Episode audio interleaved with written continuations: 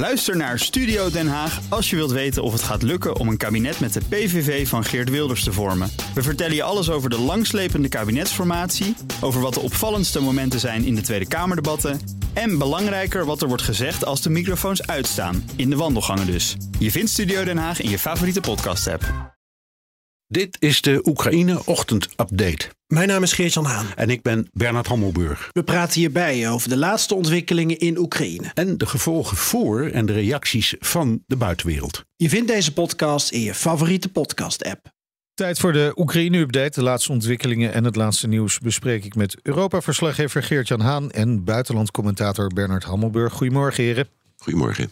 Geert-Jan, om met jou even te beginnen. Hoe, hoe is de nacht verlopen in Oekraïne? We horen berichten over het luchtalarm dat, heeft, dat is afgegaan. Ja, dat is op zich niet zo heel bijzonder. Maar het is wel een onrustige nacht voor Oekraïners geweest. En eigenlijk is dat al de hele week het geval. Wat we kunnen zeggen is dat er boven Kiev weer drone-aanvallen zijn geweest. De meeste drones uit de lucht geschoten. Eventuele schade komt vooral volgens Oekraïne van uh, luchtafweergeschut dat ook naar beneden is gekomen. Uh, er zijn ook 23 raketten afgevuurd. Uh, een deel daarvan vanaf de Kaspische Zee. Dus die hebben een aardige range. Die zijn uh, op heel Oekraïne afgevuurd. deels ook in het oosten, zag ik. En dat allemaal op het moment dat Ursula von der Leyen, de voorzitter mm. van de Europese Commissie, met de trein Kiev binnendenderde. maar volgens mij was toen net het luchtalarm klaar. En ze heeft in ieder geval een vrolijke foto gepost met de mededeling goed om terug te zijn. Uh, Bernard, in Rusland is het vandaag natuurlijk de dag van de overwinning hè, op, op Nazi-Duitsland, 9 mei.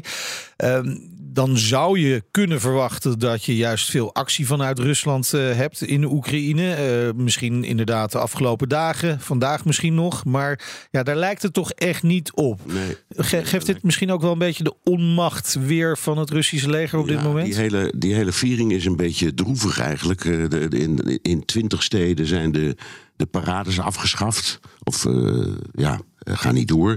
In, in, in, uh, op het Rode Plein nou wel, maar in een iets afgekloven vorm. Wat ik, wat ik een beetje een zielig verhaal vond, omdat het echt altijd een mooi moment is. Dus op die dag gaan ook altijd gewone mensen met foto's van omgekomen familieleden ja. de straat op. Omdat, dat mag allemaal niet. Het is allemaal afgeschaft. Dus het is een beetje sober. Um, en uh, uh, ja, als er al iets van een aanval zou komen, dan, dan, dan je hebt gezien wat Geert-Jan net vertelde, die raketaanval is zoiets. Hè? Dat is ook een aanval. Um, en uh, er is natuurlijk nog steeds de situatie in Bakhmut. Uh, ja. Nog steeds niet in Russische handen. En Prigozhin, de, de baas van Wagner, die speelt weer zijn dagelijkse toneelstukje. Een paar dagen geleden ging hij als een bootwerker tekeer dat hij geen munitie kreeg. En gisteren zei hij: Oh nee, het valt mee, het is onderweg. Oh, ik hou zo van Moskou. En nu roept hij weer: uh, Het is er helemaal niet, het is nog niet aangekomen. Maar ik ga er verder niks over zeggen over dat Bakhmut. Want ik wil de sfeer van deze feestdag hmm. niet verpesten. Ja, ja. Ja, maar als we dan kijken naar uh, een jaar geleden, uh, toen op 9 mei, is er dan wezenlijk veel veranderd? Nou, jawel. Misschien wereldpolitiek wel. Hè? Nou, wereldpolitiek wel. En het land is natuurlijk in oorlog. Um, de, er zijn verschillende berichten dat er uh, misschien wel iets van 400.000 man extra wordt opgeroepen. De sfeer in het land zal er niet op vooruit gaan. Nee. Um, dus, en, er, en er is gewoon een veiligheidsrisico. Dat, dat staat ook in al die berichten over. Met als reden waarom bepaalde uh, parades niet doorgaan. Veiligheidsrisico. Dat zal er ook echt zijn. Um, maar het, is daar, het, is, het geeft een somber beeld. En het, ja, het, het, het jammer ervan is. Uh, we, hebben veel. Spanningen en tegenstellingen en woede over de Russen, laat ik het zo zeggen. Maar deze uh, overwinningsdag, die gunden wij ze altijd heel erg.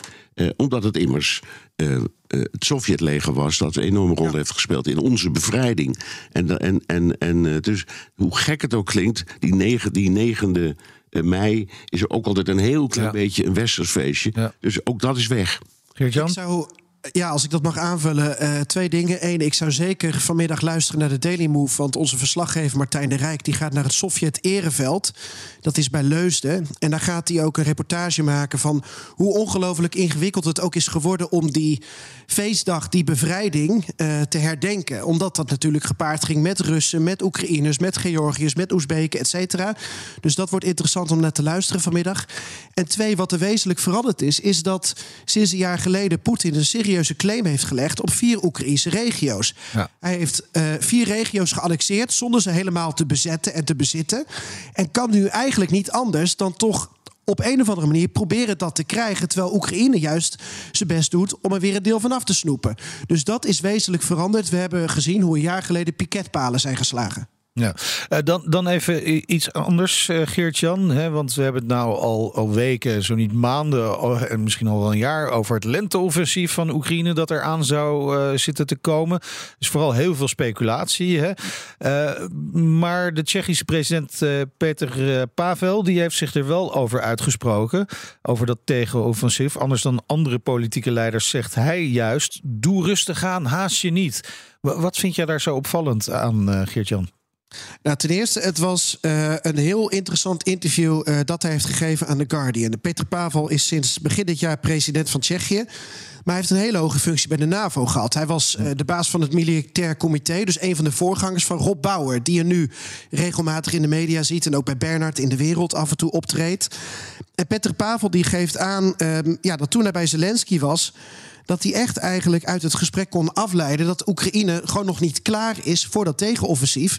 Aan hem en aan zijn Slovaakse collega werd bijvoorbeeld een gemechaniseerde brigade gevraagd.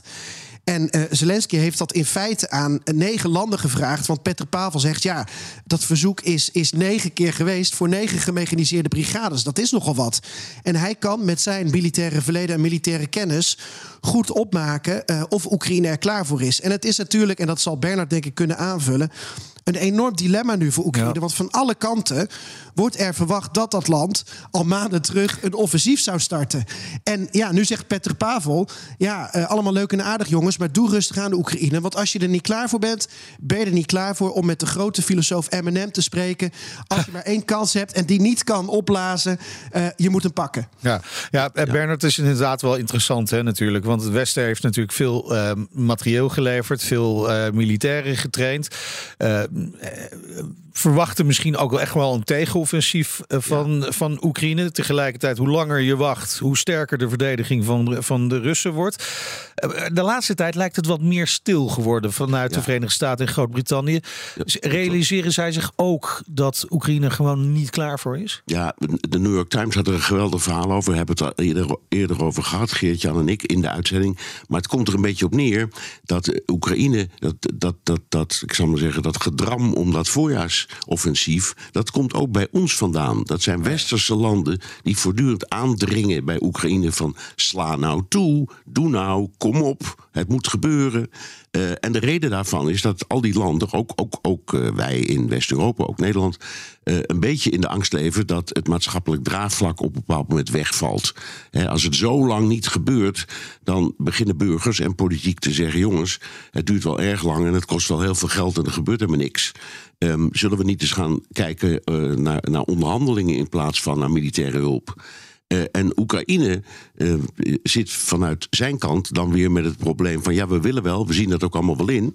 Uh, maar we weten, hè, Oekraïne weet, dat Rusland neemt juist alle tijd.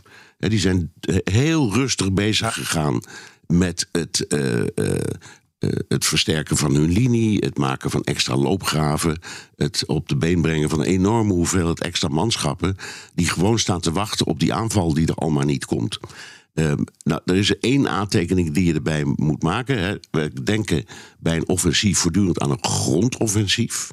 Maar je kunt ook zeggen dat wat er nu in de lucht gebeurt, wat de Russen nu doen, dat is ook een offensief. Ja. Dus de vraag is maar wat de definitie is. Dat weten we niet. Geert-Jan en ik hebben daar heel veel gesprekken over. Wat is nou precies de definitie van een offensief?